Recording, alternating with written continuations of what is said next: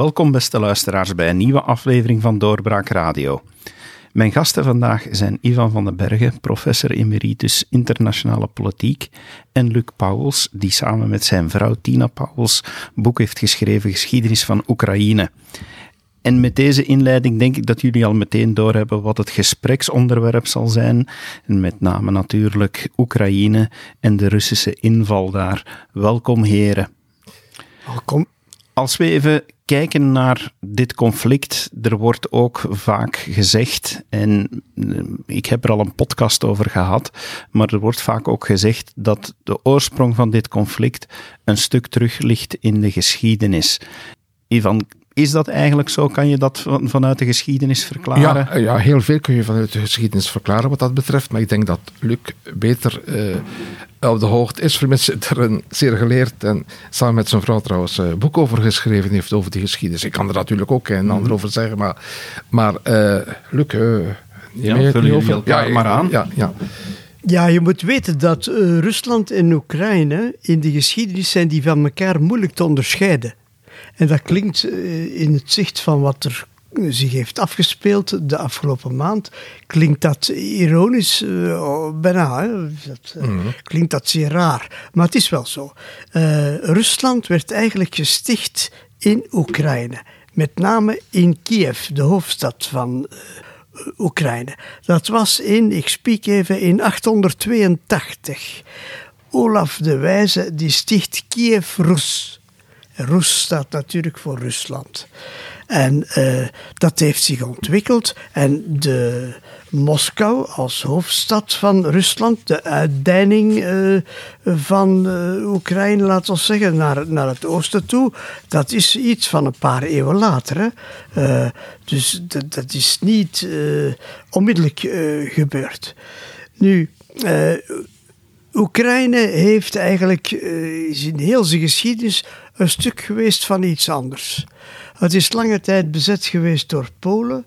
Dan is het deel geweest van de Poolse-Litouwse staat. Uh, het heeft geprobeerd onder verschillende Kozakkenhoofdmannen van een eigen staat uh, te stichten. Uh, dat is een, een zeer verwarde geschiedenis. Het is heel moeilijk om dat in, in twee woorden samen te vatten om de middeleeuwen even over te slaan, want daar is geen begin aan. In 1648 krijgen we een massale opstand van de Oekraïnse Kozakken tegen Polen. En dat is eigenlijk het begin van wat je bevrijdingsoorlogen kunt uh, noemen. Hmm. Ja, maar, maar ik denk wel dat, dat er toch wel uh, een onderscheid te maken is. Het is bijvoorbeeld uh, Roes, uh, het eerste vorstendom, Kiev ook gekerstend, ook, hè, orthodoxe kerstend. Um, ja, dat was een samengaan van, van meerdere volkeren. Hè. Er zaten heel wat uh, Noormannen bij, wij zouden zeggen vikingen. Hè.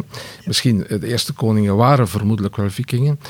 En, maar die, zijn, die hebben gebloeid. Het was een mooie stad, een grote stad. Hè, van de, als we over Europa zouden kunnen spreken, een van de grootste steden van Europa op dat moment, dus 11e, 12e eeuw.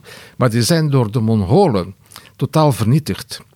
En er is geen rechtstreekse link tussen Kiev en Moskou. Moskou is in de 14e, vooral de 15e eeuw, met behulp trouwens van de Mongolen, want ze, ze, ja, ze, soms onder één hoedje, is apart gegroeid maar zonder contact eigenlijk met, met Kiev. Dus je kunt niet zeggen uh, dat het een uit het ander is gegroeid. Nee, nee, er is een césuur geweest. En dat is misschien wel belangrijk, omdat de Russen zeggen... Uh, uh, Poetin zal zeggen dat er geen césuur is geweest, dat het een uit het ander is gevloeid. Maar dat is historisch niet, niet correct. Maar goed, uh, of dat nu, zo, nu nog zo'n belang heeft, dat, dat, dat weet ik niet. Hè. Eh, het heeft een uh, psychologisch belang. Mm. iedere, ieder kind dat naar school geweest is in Rusland, kent Kiev-Rus. Mm. Ja. Dat is, en, en heeft die gedachte meegekregen dat Oekraïne dat dat toch ergens een achtertuin van Rusland is. Ja. die gedachte leeft algemeen. En ja, begin maar daartegen te argumenteren. Hmm. Ik ben het volledig eens met wat je zegt, hè. Uh, daar niet van. Maar hmm. in de perceptie van de Russen zit dat nu eenmaal anders in elkaar. Ja, dat is correct, ja. Maar wat ik toch, uh, ik kan iets persoonlijks zeggen. Ik heb dus ja, tientallen jaren geschiedenis van internationale politiek gedoseerd. En ik heb altijd aan mijn studenten gezegd: ehm, jullie zullen nog meemaken dat er twee Oekraïnes ontstaan. Enerzijds het westelijk gedeelte met uh, nu de tegenwoordige stad, de naam van de stad is tegenwoordig Lief, uh, Lief eigenlijk uh, als hoofdplaats. En dan oostelijk Oekraïne. Um, en waarom? Omdat de geschiedenis eigenlijk is toch grotendeels verschillend verlopen. Hè. Um, vanaf inderdaad de 17e eeuw um, is Oost-Oekraïne rechtstreeks onder de tsaar van Rusland, de, de Kozakken daar, eh, rechtstreeks onder de tsaar van Rusland gaan leven. En hebben ze ook Russisch gesproken. En en terwijl de westelijke Oekraïners, die nu de grootste nationalisten zijn en degene die ook nog Oekraïens spreken, door, door Hans toch, ja, die zijn dus een groot stuk nog uh, onder Polen gebleven. Maar Polen was een kolonisatie. Hè. Eh, de Poolse landheren uh, hadden weinig respect voor hun Oekraïense boeren. En, maar Polen is op het einde van de 18e eeuw verdwenen. Hè. Verdeeld onder Pruisen, Oostenrijkers, Russen enzovoort. En zij zijn dus onder Oostenrijk dan 150 jaar ongeveer geweest, wat een heel ander regime is dan hun buren, zal ik maar zeggen, die onder de tsaar bleven natuurlijk. Hè. Oostenrijk, je kent de dubbele monarchie, dat is een heel andere sfeer. En dan, en dan is het dan nog het gekke, als Oostenrijk de oorlog verloor in 1917, 1918, ja, dan verloor Oostenrijk natuurlijk ook dat Oekraïens gedeelte. Hè. Uh, we noemden dat Galicië. Enfin, we verloren het. Uh, uh, en dan werd het terug aan Polen gegeven. Ja. En in het interbellum dus, hè, dus tussen de twee wereldoorlogen, was dat weer Pools. En daar is dan een heel sterk verzet tegen gegroeid. Want de Polen blijken nu door uw vrienden te zijn. maar, maar, de Polen werden gehaat. Dat waren echt bezetters, kolonisatoren eigenlijk. En Goed, en er is dus dan een, een, een ondergrondse beweging onder leiding van, van Bandera ontstaan, die ook uh, is blijven bestaan. Uh, want in 1939 werden de Polen verslagen hè, en, en zijn de, de Russische communisten gekomen. en, maar dat verzet was eerst, eerst tegen de Polen gericht en nadien werd meteen dezelfde mensen tegen de Russische communisten, die men ook niet wou als, als heerser.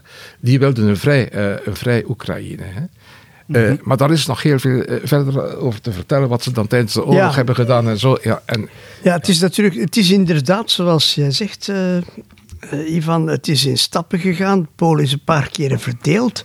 En daar, bij de eerste verdeling in 1773 is Galicië bij Oostenrijk-Hongarije gekomen. Mm. En bij een tweede verdeling uh, komt dat eigenlijk, uh, dat is een verdeling van Polen, hè? niet een verdeling ja, van, nee, niet een verdeling van Oekraïne. Bij de tweede verdeling komt eigenlijk heel Oekraïne onder Russische dominantie. En zo verschuift dat een paar keer. Het grote verschil is dat het gedeelte dat bij Oostenrijk-Hongarije kwam, dus Galicië, dat de, daar een bepaalde tolerantie bestond. Het was al Oostenrijk en Hongarije en de Slovenen zaten er ook nog bij. Men had daar in Wenen een zekere feeling voor het omgaan een zekere feeling, ik ga dat niet overdrijven, voor het omgaan met andere nationaliteiten, met andere talen, met andere mentaliteiten. En de, aan het keizerlijk hof in Wenen wilden we maar één ding, dat was dat uh, pijs en vrede. Hè? Mm. Dat rust was in uh, Kiev en omgeving, uh, in Lviv eigenlijk, want dat was de hoofdplaats van Galicië. En men liet dus toe dat het Oekraïens uh, gesproken werd, dat het Oekraïens mm. gedrukt werd enzovoort mm. enzovoort, tot op de scholen toe. In uh, Rusland is dat helemaal anders verlopen. In 1876 heeft Tsar Alexander II een decreet uitgevaardigd uh, waarbij het Oekraïens verbiedt in het onderwijs. Van de ene dag op de andere alle mm. Oekraïns onderwijs weg. Elke vorm van publicatie verboden geen boeken niet meer, alle boeken weg uit de boekenhandels als ze in het Oekraïns waren. Alle Oekraïnse kranten en, en Hmm. eh, tijdschriften weg, enzovoort, enzovoort. Dus er is een heel andere omgang met de diversiteit binnen Oekraïne langs de Oostenrijkse-Hongaarse kant en langs de Russische kant. En dat heeft zijn stempel op de zaak gedrukt tot op dag van vandaag. Hè? Want de westelijke kant, dus waar Lviv in ligt, eh, dat is eh, ja, voor... Het verschilt een beetje volgens oblast. Een oblast is een provincie. hè. Volgens oblast verschilt het een beetje, maar het gaat om tussen de 90 en de 95 procent dat Oekraïnstalig is. Terwijl in het oosten het meest natuurlijk in Luhansk en ehm, zeg het is in de Donbass. ja, hè? Donbass, ja, ja. Eh, Donetsk en Luhansk. Don, eh, Donetsk. Eh, daar heb je eh, ja, eh, 30% 20% of nog minder dat Ja. Oekraïns spreekt. Dan moeten we nog een onderscheid maken. Dat is eigen aan de, de, de grondwet van Oekraïne. Er wordt een onderscheid gemaakt tussen staatsburgerschap, nationaliteit en taalgroep voor ons iets curieus, maar staatsburgerschap, dat is simpel. Dat is wat wij nationaliteit noemen. Dat is de staat waartoe je behoort. Dat zijn allemaal Oekraïners, dat is simpel. Maar daar wordt ook genoteerd van welke nationaliteit dat je bent. Dat gaat als volgt in zijn werk. Je hebt de nationaliteit van je ouders. Als de twee ouders dezelfde nationaliteit hebben. Is er één van de ouders een Oekraïner en een andere, weet ik, Hongaar, Rus, noem maar op, dan mag je kiezen. Eh, Tot nu, dat is eh, vrij recent, dan mag je kiezen bij welke eh, natie dat je wilt behoren. Dus men heeft heel zorgvuldige en nauwkeurige statistieken over de nationaliteit van de Oekraïnse staatsburgers. En dan is er nog, eh, je bent niet verplicht als je zegt mijn nationaliteit is Oekraïner, dan kan je heel goed zeggen, maar ik wil mijn oproepingsbrief voor de verkiezingen en mijn belastingformulier, ik wil dat in het Russisch krijgen. Dus dat is nog een andere indeling. Dat maakt dat dat langs de ene kant zeer respectueus toont en in de grond ook is, maar langs de andere kant een babelse verwarring. Als ik dat allemaal zo hoor, die geschiedenis, en ik probeer dan te kijken naar wat er nu gebeurt, kan ik dan zeggen, of ben ik dan fout als ik zeg, oké, eh, Poetin heeft ergens een grond om op terug te vallen, dat hij, eh, wanneer hij zegt, oké, dat, dat is voor een stuk onze broeders, dan toch het oostelijke gedeelte, en zou het dan te verwachten zijn, als je het daarop toepast, dat Poetin eigenlijk wil gaan tot aan de rivier die het westen en het oosten scheidt, om het oostelijke deel terug bij zijn imperium te krijgen. En daar hang ik dan meteen de tweede vraag aan vast. Willen de mensen die daar wonen, willen die dat wel? Ja, ja enfin, de, de vraag is eh, niet zo heel moeilijk. Hè? Ehm, wat Poetin eigenlijk voor ogen staat, eh, want daar, daar heb je het, eh, eh, is eigenlijk, Poetin wil een historisch figuur zijn. Het zijn de gevaarlijke mannen in de geschiedenis die echt historisch eh, vergeleken worden met Peter de Grote en misschien ook met Stalin. Omdat hij Rusland heeft gered toen hij in 2000 de macht overnam, na, een triestige bewind van, van Yeltsin, was, was Rusland bijzonder zwak, in elkaar gestort. eh, niets ging nog. eh wedden werden niet betaald, pensioenen werden niet betaald. en bovendien, het was ook in 15 aparte republieken opgesplitst. Hè. Dat, dat was dus ja, eh, het einde eigenlijk van, van Rusland als een, als een sterke internationale staat. En Poetin wou dat terug heropbouwen. In de eerste twee termijnen eh, van zijn presidentschap is hij erin geslaagd om daar terug weer orde in te brengen. Eh, De pensioenen werden terugbetaald. Ik zou bijna zeggen, de treinen reden weer op tijd. En, eh, en is ook erin geslaagd om het begin te, zeg- te, te- maken van, met een, een vernieuwd leger. Maar dat was nog niet, helemaal niet voltooid. Het is trouwens nog altijd niet, niet voltooid. Maar wat Poetin eigenlijk ook eigenlijk wilt, is, het, het is een, ja, het is een absolute nationalist. Hè. Hij komt op voor het Russisch.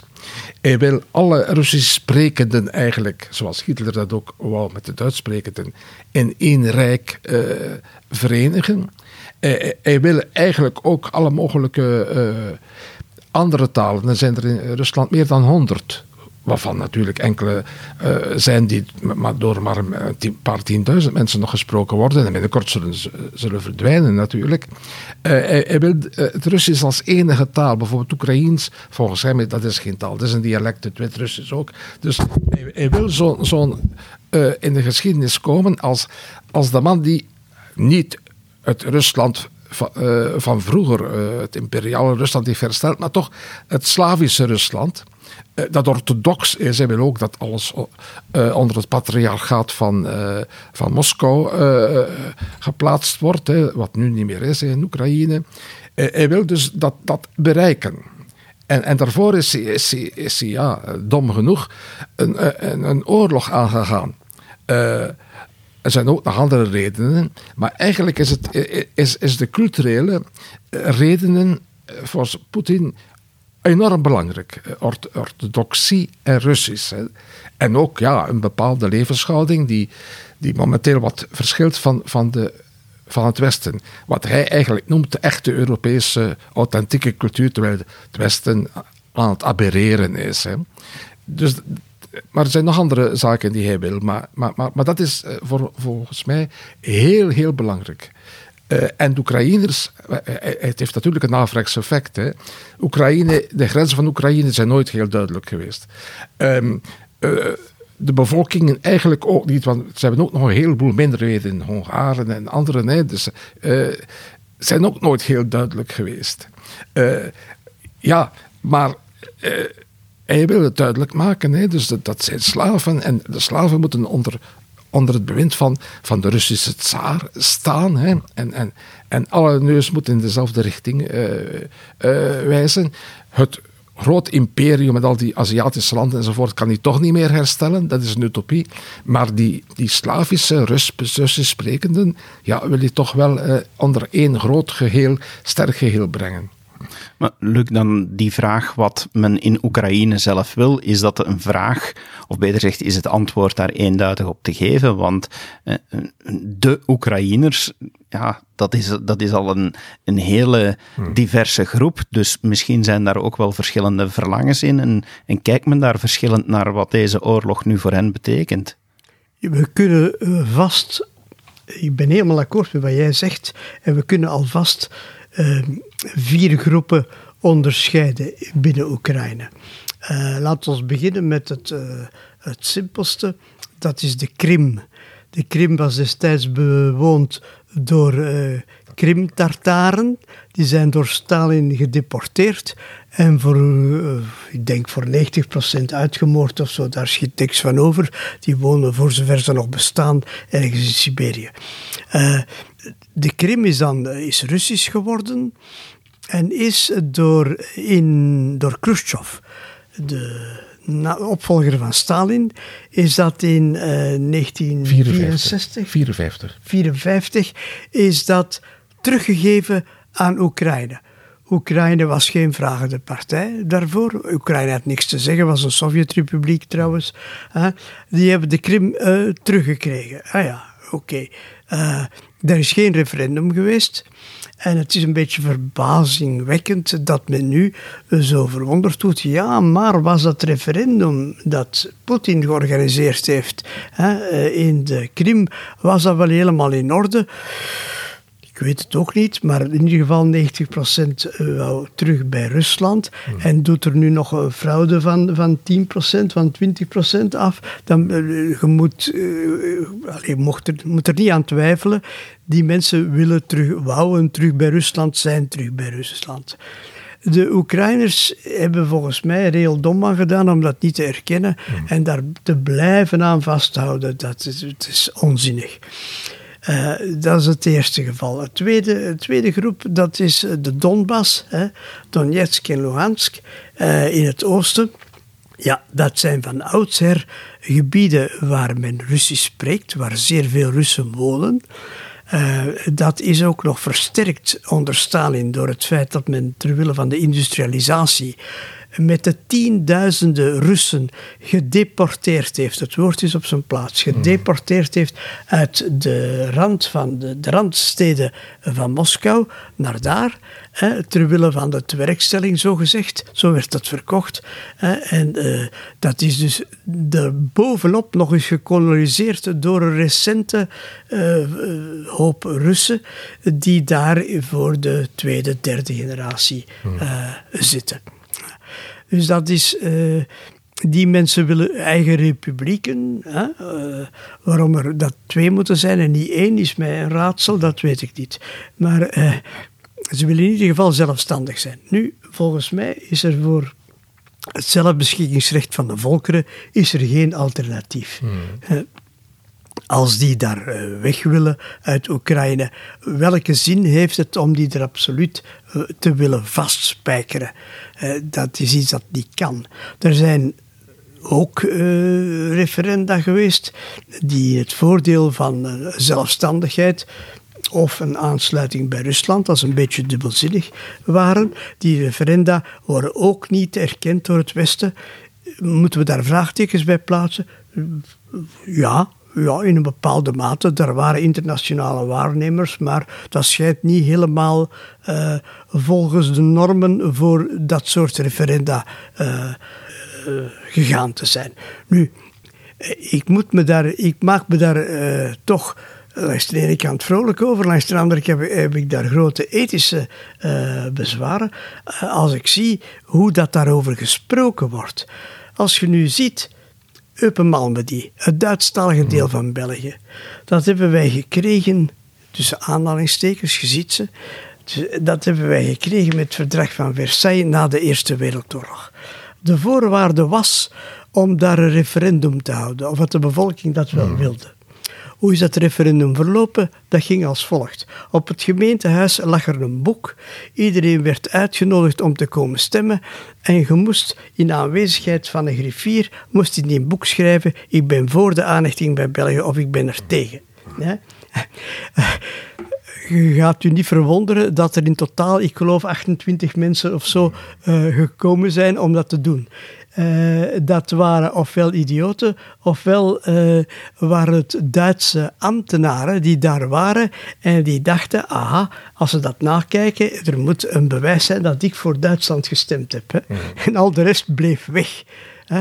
Dus, en dat wordt dan, is een paar jaar geleden gevierd, hè, uh, met, in aanwezigheid van de koning. Dat is het schoolvoorbeeld van hoe het niet moet. Hè. Dus uh, vanuit een Belgisch standpunt zou ik zwijgen over uh, mm. de wettigheid van referenda in andere landen. Bon, ehm, de... pardon. De um, Oekraïners die daar leven, eh, die echte Oekraïners waren, zijn daar al lang, lang weg. Een gedeelte van de Russen die daar leefden, de echte Russen, zijn ook weg naar Rusland. En wat er achterblijft zijn die Russisch sprekende Oekraïners die uh, ja, dat uh, sinds generaties en generaties zijn. En uh, daar, ik geef dan maar ineens mee advies, hè, dat is kosteloos hmm. vandaag. wat willen ze die mensen daar opsluiten? En, en niet hmm. hun eigen gang laten gaan. Uh, ze zeggen ja, dat is te klein. Hallo, uh, Moldavië is een onafhankelijke staat, niet bepaald welvarend, akkoord, maar dat hmm. heeft een miljoen inwoners of zoiets uh, mm. van. Hè? En in, uh, in de Donbass wonen er ongeveer 4 miljoen. dus dat is niet zo, zou niet zo gek zijn. Maar dat is onze zaak niet. Laat die mensen daar zelf over beslissen en hier zijn we al in een volgend stadium van ons gesprek gekomen. Uh, waarom daar niet in de Donbass een referendum volgens de normen met uh, internationaal, uh, internationale waarnemers, waardoor dat we dat eens en voorgoed weten, wat willen die mensen? Hm? Hmm. Nu, waarom lukt het allemaal niet? In 2014, 2015 zijn er in Minsk akkoorden gesloten tussen uh, Oekraïne en Rusland. En die voorzagen onder meer in zo'n referenda. En die, on, uh, die voorzagen in een decentralisatie, een vergaande decentralisatie van Oekraïne. Om eindelijk de staatkundige structuur in overeenstemming te brengen met de etnische en de taalkundige realiteit. Geen van de twee partijen heeft zich aan die afspraken gehouden. Ze hebben ze om te beginnen alle twee volledig, uh, volledig anders, ik zal niet zeggen fout, maar volledig anders geïnterpreteerd. Mm. Hè? En dan zijn ze ze nog eens, uh, ze hebben wou alle twee heel graag uitvoeren dat wat in hun kraan paste en absoluut niet uitvoeren wat niet in hun kraan paste. Ja, dan heb je geen akkoord als je zo begint te redeneren. Mm. Ja, dat is correct, ja. ja. Maar, maar, maar er is natuurlijk ook iets meer. Dus die twee gebieden, ja, uh, zou men best terug aan Rusland geven. Er is ook wat uh, Navalny, onze bekende uh, opposant van, van Poetin, ook zegt. Trouwens, is zoals heel veel Russen ook een stuk Oekraïens. Hij bracht zijn vakantie eh, altijd in Oekraïne op de boerderij van zijn grootouders. Zijn vader was een Oekraïner, weliswaar een officier in het Sovjetleger, uiteraard. Hij zegt, ja, laten we door de gekende internationale instanties daar referenda houden. Eh, en dan zul je zien eh, dat de Krim absoluut naar Rusland wil en Donbass enzovoort ook. En dan is de zaak opgelost. Hè. Uh, maar goed, dat wil men niet. Hè. Men heeft uh, uh, het Westen dan, en daar moeten we meer over zeggen, uh, wijsgemaakt dat, dat dat niet hoort. Hè? Dat uh, de grenzen vast liggen en voor eeuwig en altijd vast liggen. Terwijl de Oekraïnse grenzen permanent zijn veranderd. Permanent zijn veranderd, ja goed. Dus hij, moet het been stijf houden. En dat zal vermoedelijk nu ook weer gebeuren. Hè? Als ze aan het onderhandelen zijn. Hè? Hij heeft hem ook wijsgemaakt en gezegd en dat hij uh, absolute soevereiniteit zou moeten hebben en dat hij zelf zou kunnen beslissen of hij bij de NAVO zou aansluiten of niet. Uh, en, maar dat is natuurlijk dat heeft met de Koude Oorlog te maken. Hè. Dus, uh, het is waar wat de Russen, enfin, historici ook, niet alleen de Russen, wij ook als historici zeggen, dat bij het einde van de Koude Oorlog in 1990, 1991 eh, de Amerikanen uh, via hun president en minister van Buitenlandse Zaken en dan nog veel andere ambtenaren, enfin, uh, diplomaten hebben gezegd dat de NAVO absoluut niet zou opschuiven naar het oosten toe. Wat de Russen nog niet wilden, want dan voelden ze zich onveilig. En het is zelfs, zoals ik het ook heb bestudeerd, en in mijn boek ook uitvoerig heb beschreven, het is zelfs zo dat men aanvaarde dat Duitsland zich verenigde maar er was een voorwaarde aan verbonden. Uh, Duitsland mocht een leger hebben en Duitsland mocht bij de NAVO blijven. Maar NAVO-troepen, bijvoorbeeld Amerikanen, mochten zelfs niet komen in het oude DDR-gedeelte. Dat was de grens. Dus ze mochten zich daar niet vertonen. Uh, uh, wat duidelijk, uh, duidelijk wijst op het feit dat ze heel zeker niet uh, Estland en Letland en, en, Polen enzovoort en Roemenië en Bulgarije NAVO-lid konden maken. Dat is dus absoluut afgesproken. En ja, het, is, getuigt absoluut niet van fair play van Amerikanen die de baas zijn van de NAVO natuurlijk, om altijd maar verder en verder te, te willen opkruipen tot aan de grens. De redenering erachter is, Rusland heeft de Koude Oorlog verloren. Hè zonder enige twijfel. Uh, wij breiden onze macht uit. Hè. We hebben West-Europa al onder onze invloedssfeer. Uh, Amerika kan pas een, grote natie, enfin, een hegemoon uh, blijven als eigenlijk Europa ook beheerst. En Goed, maar de Russen hebben uh, Oost-Europa goed zijn het kwijtgespeeld. Hè. Die landen zijn onafhankelijk geworden. Die gaan we ook erbij pakken, dan zijn we veel sterker. En uiteindelijk rukken ze dan ook, ook willen ze dan ook natuurlijk Oekraïne erbij pakken. Maar is dat niet de keuze van die landen zelf geweest? Ja, dat is nou heel dubieus. Hè. Ja, dat is inderdaad ook zo. Maar wie heeft hen die keuze opgesolverd? Hm? Uh, wie heeft hen van alles en nog wat be uh, beloofd? En bovendien, ja, de keuze. Mocht België nu ervoor kiezen om uh, van Zeebrugge een Russische oorlogshaven te maken, dat zou onze keuze zijn. Bijvoorbeeld van de stad Brugge. ja, maar je snapt, het zal niet gebeuren. Hè. De, bovendien, die landen mochten dat ook niet vragen, hè, want ze wisten dat het not done was. Hè. Dat is, ik spreek nu zoals Kissinger, die uh, ongelukkig voor hem een beetje ouder is dan ik. uh, maar Kissinger zegt dat ook. Dat kan niet, dat moet je niet doen. Dat is om oorlog vragen. Je moet ze niet uitdagen. Hè.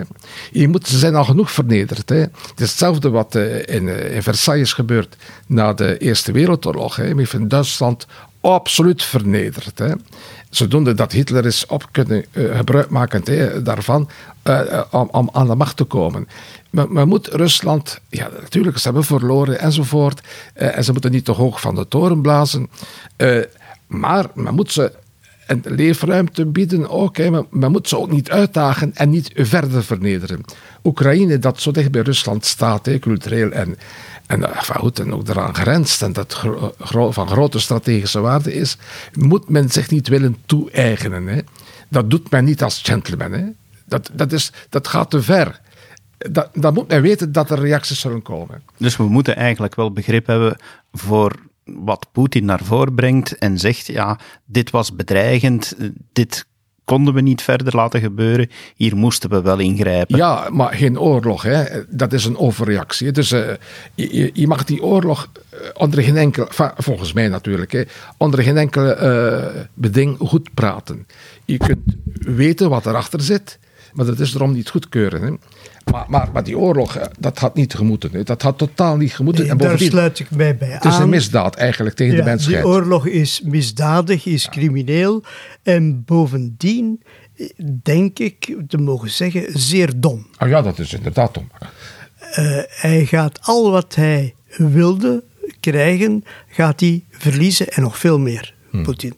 Uh, dat, dat is volgens mij uh, duidelijk. Nu, nog iets als ik uh, mag. We hadden die, uh, we hebben het gehad over de Krim, over de Donbass. Nu, Oekraïne zelf, dat is ook geen eenheid. Hè? vergeet dat. Oekraïne heeft ongeveer 15 verschillende nationaliteiten nog die daar wonen. Sinds eeuwig zal ik zeggen, maar sinds de middeleeuwen. Er zijn Hongaren bij, uh, een heel grote Joodse kolonie, uh, Roemenen enzovoort. Zelensky bijvoorbeeld uh, is een, van oorsprong Russisch sprekende Jood. Heeft met, met Oekraïne niet zo heel veel te doen. Hij heeft vijf jaar in Moskou uh, gewerkt en gewoond. Men zet hem neer als komiek. Uh, dat is hij geweest. Uh, het, is een, maar het is om te beginnen een jurist. het is een toneelspeler. dat komt hem goed van pas. Hmm. Hij, hij, kan het zeggen. Huh? Ehm, hij is bovendien een multimiljonair. Uh, dat men ook, iets wat men ook vergeet te zeggen. Hij heeft productievernootchappen uh, voor tv en, en dergelijke. Het is een man die niks tekort komt. Uh, en je ziet dan dus in Oekraïne buiten de twee gebieden die we genoemd hebben, zie je twee heel duidelijke strekkingen die je min of meer kunt vereenzelvigen met uh, etnische groepen. De ene die pro-westers zijn, dat zijn bijna al de niet echt Oekraïnse nationaliteiten. En je hebt dan het oude Galicië, Lviv en dergelijke, vanaf Kiev tot aan de, de Poolse en de, en de Slovaakse grens. Hè. Hmm. Uh, dat is eigenlijk het oer-Oekraïne waar men ook voor, voor in de 90% Oekraïns spreekt. En dat zijn dus binnen Oekraïne heb je ook nog die, die, uh, die onduidelijkheid en die, die splitsing tussen de, de groepen. men spreekt daar trouwens in uh, groot gedeelte van dat centrale Oekraïne spreekt men nog een andere taal. Uh, het uh, Suchik, dat is een mengtaal tussen Oekraïns en Russisch. Hmm. dat is om het ingewikkeld te maken. het is een, als je het van dichtbij gaat bekijken, dan krijg je twijfels over wat is de Oekraïnse natie. Ja. Maar er is één ding, ze willen het zijn. Ze willen Oekraïners zijn en dat moeten wij respecteren. Hè. Maar we staan daar nog in de toekomst zeker voor verrassingen. Hmm. Ja, maar wat Poetin nu wel gedaan heeft, is, is geholpen een natie te creëren. Hè. Ja, ja, dat, is, dat is een feit. Hij, hij, doet alles wat hij, wat hij eigenlijk niet wil. Uh, hij, hij, schiet zichzelf in de voet. Uh, niemand had gedacht zijn collega's in Rusland, en ook mensen die uh, echte Russen geleerden, niemand had gedacht dat hij dat zou doen. Omdat hij zichzelf in de voet zou schieten. het, het, het, is geen enkele oplossing voor het probleem. En, en, en de oplossing kan gemakkelijk eigenlijk diplomatiek. Ja, is dat zo? Is er een makkelijke oplossing? Ja, natuurlijk, ah, natuurlijk. Je hebt het ook gezegd in Oekraïne moet neutraliseren, hè. moet neutraal worden. Hè. Trouwens, het kan lid worden van de NAVO, want uh, het is een oorlog met, met een stuk uh, losgescheurde provincies enzovoort. Uh, men is daar eigenlijk aan het vechten voor, iets wat theoretisch niet kan. Uh, voorlopig nog niet. Hè. maar men moet, wat, wat, men ook in de Koude Oorlog gedaan heeft, men moet vrede creëren, niet door meer wapens, maar door minder wapens. Men moet dus afspraken maken, hè, zoals de, eh, in Helsinki eh, in 1975 heeft gedaan, wat eigenlijk ook nog altijd geldig is, maar niet nageleefd wordt. Uh, dat men vertrouwenwekkende maatregelen uh, organiseert. Het wil zeggen, als men manoeuvres doet, dat men de tegenpartij uitnodigt, dat men dat aankondigt enzovoort. Dat men niet te dicht bij de grenzen aanvalswapens heeft. Men moet de middellange afstandsraketten niet hebben. Men heeft die ooit eens vernietigd allemaal. Maar Trump heeft, heeft, heeft, zich daar niet meer aan gehouden enzovoort. Men kan een heleboel vertrouwenwekkende maatregelen. Bufferzones? Bufferzones, ja. Eh, scheppen, creëren. Uh, men heeft het vroeger gedaan, dat heeft 20, 30 jaar perfect gewerkt. Uh, zodoende dat men van elkaar geen schrik moet hebben. Hè. Uh, en, en dat is diplomatie. Hè. Ja, maar, maar dan kom ik terug aan mijn vraag. Is dat ook wat men in Oekraïne zelf wil? Ja, ja, ja. Uh, nu, ja, het is te zien wie. Hè. Dus er zijn meerdere partijen. Hè. Zijn, eh, het is wel, Oekraïne is een zeer slecht functionerende democratie. Ik zou het zelfs geen democratie uh, durven noemen. maar goed, maar, maar, ja, uh, oligarchen zijn er aan de macht. Enfin, uh, omkoping, schering en inslag. Hè. Ook politiek. Hè. Politiekers doen van alles en nog wat. dus tamelijk publiek. Um, ja, het is moeilijk om te zeggen wat de Oekraïners willen. Nu, wat ze nu willen is het einde van de oorlog natuurlijk. En, en, en de Russen, ze hebben er hun buik van vol. Ja, dat is duidelijk. Hè. En dat is uh, Poetin tegen zijn wil in gecreëerd. Misschien was, bestond er geen echt nationaal gevoel. Of had iedereen daar een iets anders uh, voor ogen als men eraan dacht. Maar nu, nu wel. Hè. Het nationaal gevoel is, is anti-Russisch. Van de eerste tot de laatste. En Russen buiten. Hè. En, en, en, en zij verdomd, ze hebben verdomd nogal wat aangericht. Hè. Ze zullen moeten betalen enzovoort. Maar uiteindelijk zal Zelensky moeten overeenkomen tot een vorm van neutralisering. Een andere oplossing is er niet. Maar, maar wat ik wel merk, en je zult het ook merken, is dat hij wel probeert. Zelensky is een man met heel veel gezichten. Uh, hij wordt nu wel aanvaard als, als de leider van Oekraïne, dat is heel zeker zo, maar hij zegt eh, zeer gevaarlijke dingen ook. Een paar maanden geleden heeft hij gezegd dat de, uh, Oekraïne atoomwapens nodig had. hij, hij zegt van alles en nog wat. En nu is hij blijkbaar bereid in het begin helemaal niet, hè, maar is benijd een voor, zekere vorm van neutralisering van, van Oekraïne, zodat de Russen dan geen, geen schrik moeten hebben dat de raketten vandaar afgesproken. Dat, dat, dat zal hij hoe dan ook uh, moeten uh, aanvaarden. Maar, maar uh, er is ook nog iets anders wat we zouden kunnen zeggen. Mocht Trump nog president geweest zijn, maar vooral mocht Merkel nog kanselier geweest zijn, zou dat niet gebeurd zijn. Eh, ik ben er eh, heel zeker wat Merkel betreft, ben ik radicaal overtuigd. Hij heeft ook heel lang geaarzeld. Die beslissing is tussen vier mannen genomen op het allerlaatste moment. Hè, want niemand dacht dat het ging gebeuren, omdat iedereen wist dat hij in zijn voeten zelfs ging schieten. Dat, dat hij dan niet veel meer zou bereiken. Tegen hij paar jaar worden. Uh, hij had gelogen en bedrogen. Enfin, uh, hij kan zijn eigen die Russisch sprekenden zijn ook een stuk zijn eigen volk. Je kan het toch niet allemaal gaan doodschieten en kapot schieten. Uh, wat er nog rest van de Oekraïense of Russische cultuur kapot maken. Dat, dat is, uh, het, het, is. Het is ongelooflijk vreedaardig, misdadig en dom wat hij gedaan heeft. Ja, daar ben ik het volledig mee eens.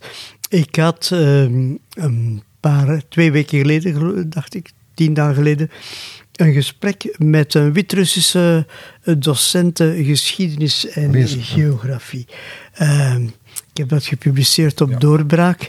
En die mevrouw zei onder meer over uh, het mogelijke lidmaatschap van Oekraïne, van de NATO, bedoel ik, van Oekraïne bij de NATO. Ze zei ja, dat zou een penetratie zijn in moedertje Rusland ik schrok een beetje van die nogal uh, heftige hmm. uitdrukking voor een dame van enige leeftijd. Uh, maar uh, ze heeft me ervan overtuigd. Ik heb niet alles neergeschreven hmm. in doorbraak. Hoe dat aangevoeld wordt door de Russen. En ik kan daarin komen. Als je een kaart van Europa neemt. En je ziet dan hoe ver dat Oekraïne naar het oosten in Rusland dringt, hmm. zal ik maar zeggen, eh, dan, neemt je, dan accepteert je zo dat, uh, ja, dat de Russen dat in hun geopolitieke visie uh, als totaal onacceptabel zien dat dat land nu net lid van de NAVO zou worden. Er is natuurlijk, uh, er, daar tegenover stelt men, ja maar Oekraïne heeft toch het recht om dat te bepalen. En dat moeten de Russen niet bepalen. Uh, dat is theoretisch uh, zeer zeker waar, maar niemand kan lid worden van de NAVO als de NAVO dat niet wil. En het signaal zou moeten uitgaan van de NAVO: hmm. jongens, nee, nee, nee, nee, uh, daar zitten we niet op te wachten dat jullie lid worden. Hè. Eerst uw zaken daar netjes regelen en dan zullen we misschien in de volgende generatie nog wel eens praten. Hm. Ja. Hoe kunnen we dan nu ja, eh, eh, er misschien toch eh, naar, naar, naar kijken, dan zeker wat internationale politiek betreft, om Poetin een gelegenheid te geven te stoppen met die oorlog. Want ja, hij heeft natuurlijk nu bereikt wat hij net niet wou. Hmm. Ehm, zelfs als Oekraïne en de NAVO inderdaad overeenkomen dat dat een neutraal gebied moet zijn, is dat nog wel aanvaardbaar voor Poetin? Uh, gaat hij daarmee kunnen leven? Gaat hij, gaat hij met het gezichtsverlies van een verloren oorlog kunnen leven? Ja, hij, hij, hij beslist wat er gebeurt in Rusland. Hij beslist ook wat de publieke opinie uh, te weten komt. Hè. Die 60% die hem nog altijd zeer trouw zijn. Hè. Als het een referendum is, hij haalt bijna 70%, omdat hij de televisie beheerst en, en alleen maar de stedelijke, meer geëvolueerde, enfin, uh, meer gestudeerde bevolking uh, zich van internet bedient, alhoewel dat ook gaat afsluiten. Hè. Dus ja, hij, hij, kan zich redden met te zeggen, kijk eens, voilà, ik heb bekomen dat Oekraïne niet bij de NAVO gaat. Hè. En hij zou ook moeten kunnen bekomen dat de Krim Russisch blijft. Luhansk en Donetsk, ja, dat, dat is iets anders. Goed, dat is minder belangrijk, maar die twee zaken zou je moeten kunnen meeslepen. Ja, ik, ik denk dat het misschien, misschien moeilijker zal worden voor Zelensky om neutraliteit te verkopen in Oekraïne dan voor Poetin om de neutraliteit van Oekraïne te verkopen in Rusland.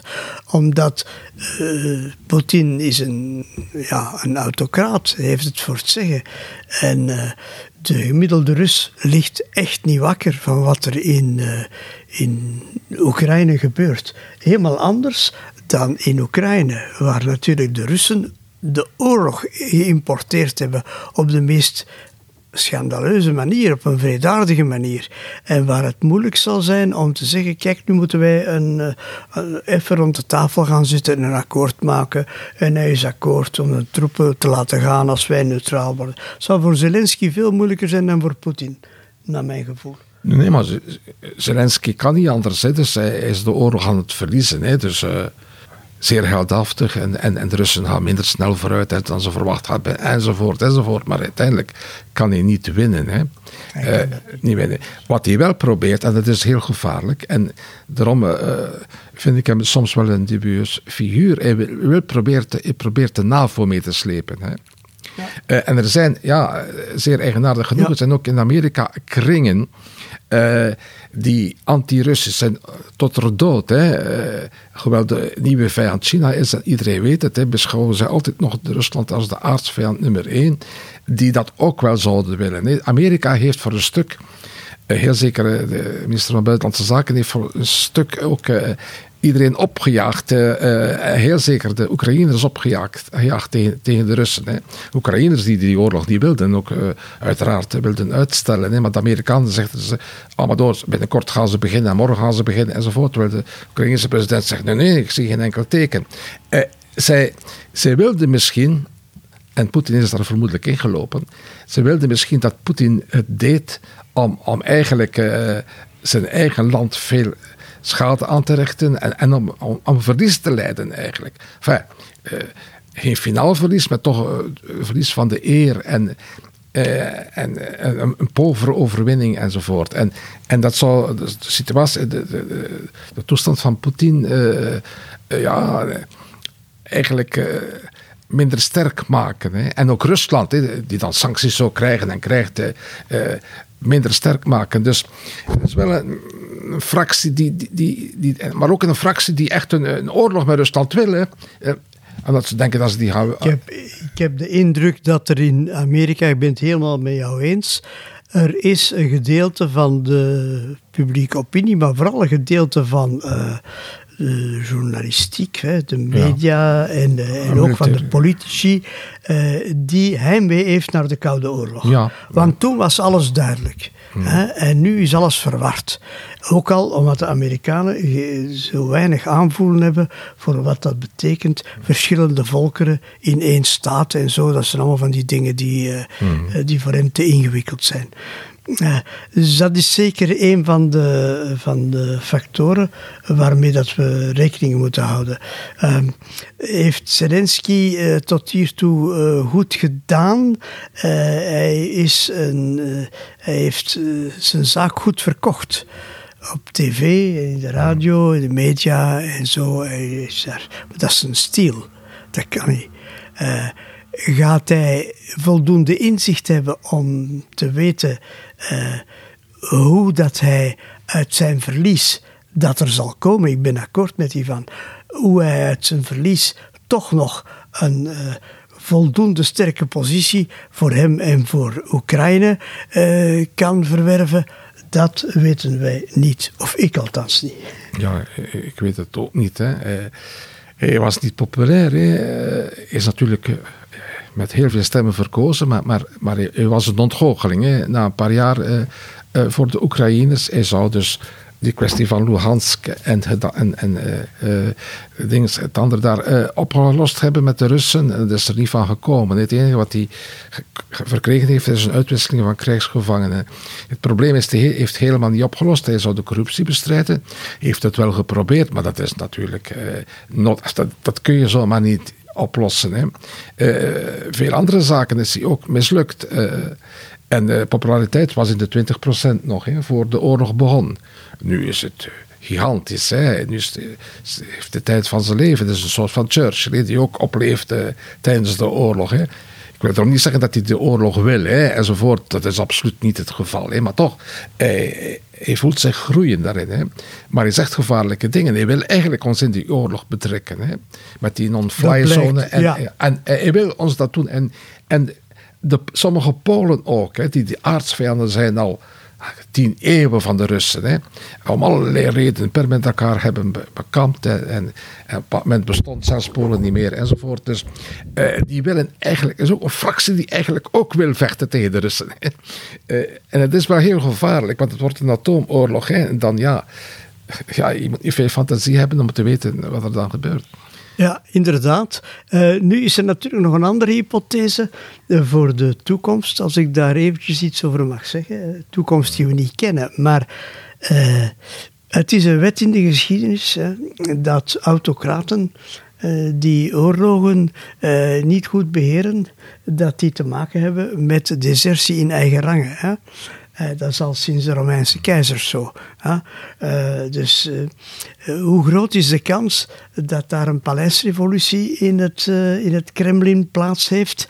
Dat is ook nog een vraag die we ons kunnen stellen, waar we geen antwoord op hebben. Is dat iets dat ondenkbaar is? Ik denk het niet. Ik denk dat het bijna evident is dat dat bij sommigen die gedachte opkomt, maar gaan ze doen? Dat is een andere vraag. Hè? en als mensen zeggen dit is ondenkbaar. Ja, ja, de oorlog tegen Oekraïne was ook ondenkbaar een paar maanden hmm. geleden. Ik denk dat we daarmee een zeer verhelderende uh, uitleg hebben gekregen over het conflict. En dat we nu veel beter kunnen uh, begrijpen wat daar gebeurt. Dank u wel uh, voor jullie tijd om dat toe te lichten. Dank u wel om de dank kans u. te hebben gekregen. Ja. en u, beste luisteraar, dank u wel dat u geluisterd hebt. En heel graag tot een volgende keer. Dag. Dit was een episode van Doorbraak Radio, de podcast van doorbraak.be. Volg onze podcast op doorbraak.be/slash radio of via Apple Podcasts, Overcast of Spotify. Bezoek ook onze website op doorbraak.be en steun ons door een vriend te worden van Doorbraak.